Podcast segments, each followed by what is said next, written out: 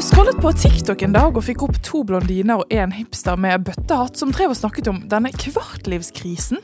Hør podden vår, sa de, og geleidet deg inn på Spotify. Der fant du én, to og ja, til slutt tre episoder, ja, med godt mellomrom. Men de lå der, og du tenkte jøss. Er ikke jeg også litt i kvartlivskrisen? Ta riktig valg, få flere venner og engasjer deg i samfunnet, sa de. Men hva mer? Hva er egentlig veien ut av kvartlivskrisen? Jeg vet ikke med deg, men vi har i hvert fall mange flere spørsmål. Hva nå? Ja, hva nå, folkens? Det er veldig veldig snart sommerferie for de fleste av oss. Jeg Andrea, jeg er utbrent, Markus har ennå ikke fått jobb. Og Helene, ja, hva i all verden skjer med deg? Vi må nødt til å snakke litt om dette her. Og ikke minst hva som blir veien videre for denne podkasten, som vi er så glad for at du som hører på, har likt så godt. At du kjenner deg igjen. Men Helene, jeg må nødt til å spørre deg, for det er veldig mange som har spurt. Det er mange som har spurt sånn, Hva i all verden er det som skjer med Helene? Har hun mistet jobben? Har hun sted å bo? Har hun fortsatt Altså, Hva skjer i livet ditt? Ja, hva skjer? Det ble jo litt eh, kaotisk, det der. Og da vi spilte inn sist, så tror jeg vi Altså, jeg tror oppriktig jeg var i sjokktilstand. For hva var det som skjedde? En liten recap eh, var jo at jeg hadde jobb, og hadde hatt den jobben Altså, hadde sikret jobb til høsten. Og den fikk jeg i oktober i fjor, og har vært eh, på en måte sikra den siden. Og så fikk jeg kontrabeskjed i starten av juni om at nei, det blir ikke noe av. Og det var jo dagen før vi spilte inn podkast her. eh, hvor jeg da fortalte at eh, ja, dere, nå har ikke jeg penger på livet mitt, så dette er jo veldig spennende. Eh, og nå har det gått et par uker, da, siden sist. Jeg har fått jobb. Hei! Det er jo gode, gode nyheter. Ja, veldig, veldig deilig uh, at det ordna seg. Så jeg var uh, bare rett på ballen og tok kontakt med en annen bedrift som jeg hadde en god prosess med i høst også. Som var villig til å åpne en stilling for meg, så det er uh, kjempegøy. Så du tok rett og slett eh, tak i situasjonen og var sånn Hei, vent litt. Hvor andre steder kan jeg få jobb? Og nå har du fått Er det fast full jobb? Fast full jobb eh, fra august. Men eh, det var jo Det jeg følte at jeg virkelig lærte av det, er jo liksom eh, Jeg bare kjente med en gang at jeg orker ikke legge meg ned og deppe over det her nå. Jeg bare jeg, ha, jeg orker ikke det. Så jeg gikk jo rett på løsning med en gang og tenkte ok, da skjedde det, det suger, eh, men da må jeg tenke nytt. Og prøvde å finne ut av det med en gang, da. Og det er jeg jo dritglad for. Og jeg rakk det jo i grevens tid også, rett før sommerferien. Så nå får jeg en sommerferie, jeg kan slappe av, jeg vet at det, det blir en kul jobb til høsten som jeg gleder meg til å begynne på da. Så det er sjukt digg at det ordna seg. Det er jo mange det fortsatt ikke har ordna seg for. Eh, Så jeg var nok bare veldig heldig akkurat der. Så la det være klart. Du er fortsatt den med alt på stell eh, blant oss. Den voksne og ansvarlige. Og så må jeg høre med deg, Markus. Du gikk jo inn i dette halvåret her uten jobb. Uten eh, kjæreste. Uten eh, Altså Uten er stikkordet for deg. Hvordan går det nå? Nei, Ting står på stedet hvil, kan man trygt si. Denne sommerferien her kommer til å vare og vare og vare. Og, eh, ja. Nei, Jeg har hatt, eh, hatt ferie i eh, hele år, så langt, føles det som. Uh, Og det ser ikke ut til å stoppe. Um, så der hvor Helene ikke ville legge seg ned og deppe, så har jeg ligget og deppet uh, og ikke tatt tak i situasjonen. Jo, jeg har gjort et forsøk, men jeg har også gitt opp litt lett også. Men hvordan kan du gi opp noe du ikke har begynt? Nei, det er et godt poeng. Kanskje jeg, kanskje jeg egentlig bare aldri har Men Kanskje jeg ikke har gitt opp, da. At jeg skal hele deg Jeg har ikke gitt opp ennå. Men jeg blir jo, altså jeg blir jo, jeg får litt lyst til å grave i dette. Hva er det som gjør at du på en måte ikke får deg en jobb? Jeg tror, jeg jeg, kan jeg gjette først? Ja. Det er en kombinasjon av to ting. Én latskap. To kresen.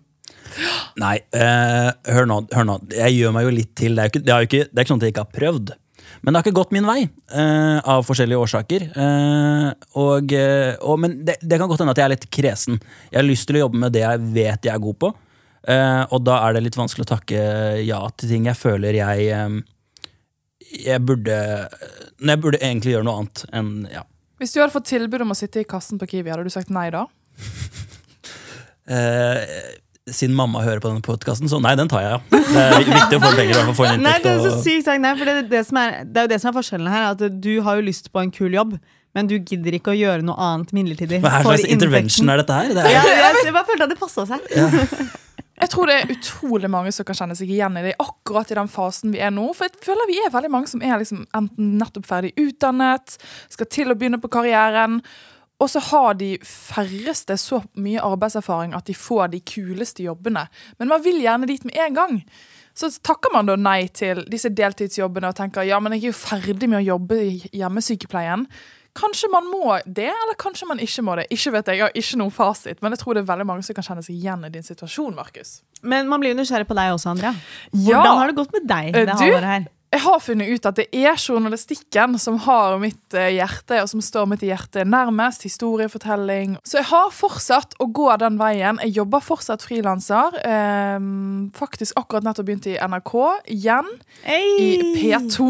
Blitt voksen. Hei.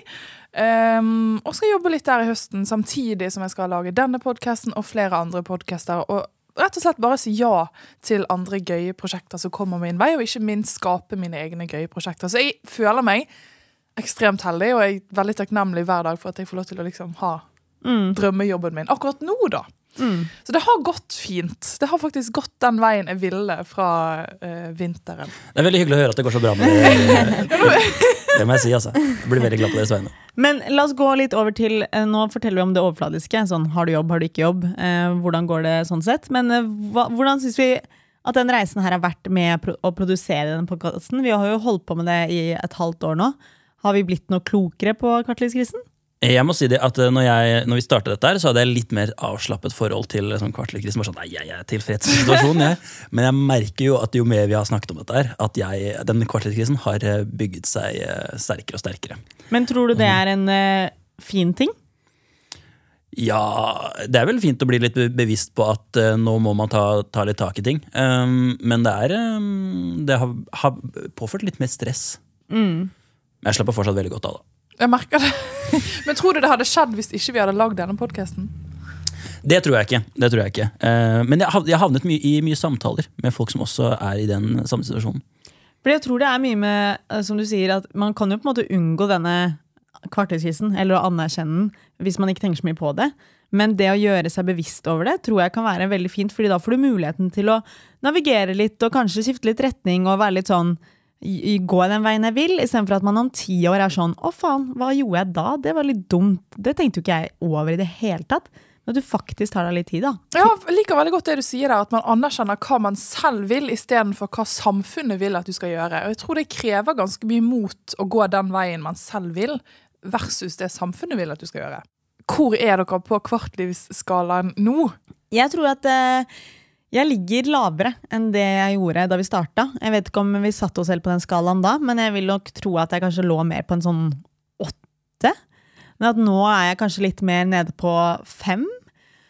Fordi at jeg, eh, I motsetning til deg, da, Markus, så har jo jeg vært veldig bevisst på denne krisen. Og kanskje allerede vært eh, klar over at den skjer. Men gjennom denne podkasten så føler jeg kanskje at jeg har blitt litt flinkere til å la livet skje, og bare stole på at ting skjer av en grunn. Eh, og at og anerkjenne at krisen skal være der. da At det er en del av reisen. At ting skal være litt kaotisk, og at det er veldig kjedelig hvis det ikke skjer noe. At det, man ikke blir tvunget til å tenke litt nytt og bevege seg. da Og jeg som går nå inn i en sommer uten jobb, eh, ser etter leilighet eh, til summer jeg absolutt ikke har råd til på noe hotell, pga. at jeg ikke har jobb, eh, og ikke noen ordentlig konkrete planer for høsten, så er jeg oppe og nikker på nieren. Jeg er det- snart oppe på tieren. Ja, det snart, snart fullstendig kaos her. Men nei, det er høyt for tida. Å, gud. Nei. Eh, Andrea? ja, nei, det er jo en glede og en sorg på en måte å meddele at min kvartlivskrise den, er, den har ligget ganske stabilt ned på en sånn toer. Oi. Men det som er interessant, er at min kvartlivskrisen har, har jo mange forskjellige aspekter. Så på noen deler av den så er det litt da kan det bikke opp på en nier, men andre deler så er det opp på en toer. Og så går det opp på en femmer der. Og det, det spørs helt om vi snakker om det å engasjere seg, eller det om å ha altså kjærlighet, venner, eh, livsstil, alt mulig. Og det er det vi skal dykke videre inn i eh, i høst, i neste sesong av Hva nå? Men først så må vi snakke litt om det vi har lært i vår.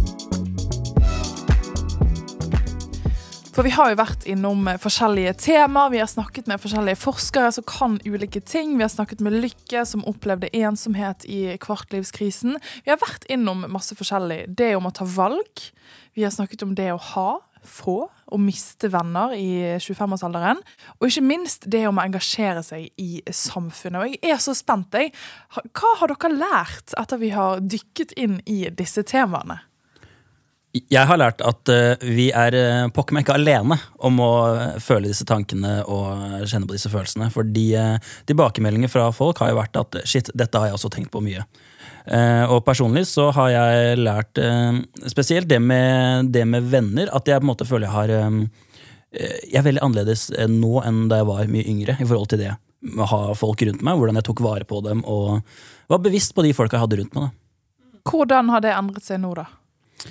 Nei, jeg, om folk husker, så ble jeg dumpa av en venn. Så, eh, så jeg passer veldig på å, å, være snill og grei med de rundt meg. Og virkelig sette ordentlig pris på de stundene jeg har med, med, med folk. Jeg syns at tematikken vi har tatt opp i alle tre episodene, egentlig, har vært en veldig fin samtalestarter. Og jeg merker at man kan prate om det ikke bare med de som er på vår alder, men også de eldre og de yngre. Og spesielt de eldre, da. Mange av de var litt sånn uff, Nei, det her reflekterte ikke vi over på deres alder, men det burde vi kanskje gjort. At vi liksom, de, uh, veldig mange kan anerkjenne at den prosessen vi går gjennom nå, er veldig bra. da. Selv om det selvfølgelig finnes en balansegang i det, men en sånn bevisstgjøring over uh, hva vi vil bruke tiden på, hvordan vi vil uh, at livet vårt skal bli, da. Det er faktisk ganske viktig. Um, så jeg tror jeg bare har lært at vi er en svær gjeng om det her, og at jeg syns det er veldig gøy å skulle sammen med dere prøve å bli litt klokere, da. Noe jeg syns har vært veldig fint eh, nå i vår, er at jeg kom inn i vinteren og denne våren med litt sånn Gud, hvor er min plass i livet? Hvor er min plass med vennene mine? Hvordan skal liksom livet forme seg fremover? Eh, og så har jeg eh, spesielt det med venner, som dere også var inne på. Eh, blitt mye flinkere på å ta vare på gamle venner eh, og få nye venner. Og se på relasjoner som kommer inn i livet, og se sånn Jøss, hva kan dette her bli? Og rett og slett tørre å ta plass i noen sitt liv. Mm. Fordi at vi, vi, er Det blir ikke lettere å få venner med årene, men det blir kanskje mer fruktbart å holde på de man faktisk har like interesser med, da. Mm. Og så dette her med å ta valg, så tenker jeg alltid på nå når jeg skal ta et valg, så tenker jeg sånn Det er flere valg som er riktig for meg. Eh, og at eh, man må bare velge det som føles riktig der og da. St rett og slett stole på den litt sånn skumle magefølelsen. Men det som Guro, psykolog, sa, som har blitt en sånn moderlig stemme bak i mitt hode, det er om at det fins flere riktige valg for eh, deg. Det syns jeg er så utrolig befriende. Ja, jeg er helt enig. Synes, eh, det, det, tar jeg også virkelig med meg videre. Uh, at uh, det aldri er for sent, og det er helt lov å prøve ut noe fullt ut før man finner ut av vil man dette eller ikke. Det er veldig digg å vite. Og jeg tror også at gjennom den podkasten har man kanskje også skjønt at livet ikke stopper når man er 30. Jeg føler liksom at veldig mange tror at vi har fem år igjen, og så blir livet kjedelig. Men det er jo så mange muligheter ja. til å skifte retning og bli noe helt annet når man er 62, om man vil. liksom. Og så er det dette berømte samfunnsengasjementet. Har dere blitt noe mer engasjert? Jeg føler det vi fikk mest ut av den episoden, handlet kanskje mest om å være flinke til å snakke om eh, samfunnsaktuelle saker med venner og de rundt, og det å tørre å ta diskusjoner.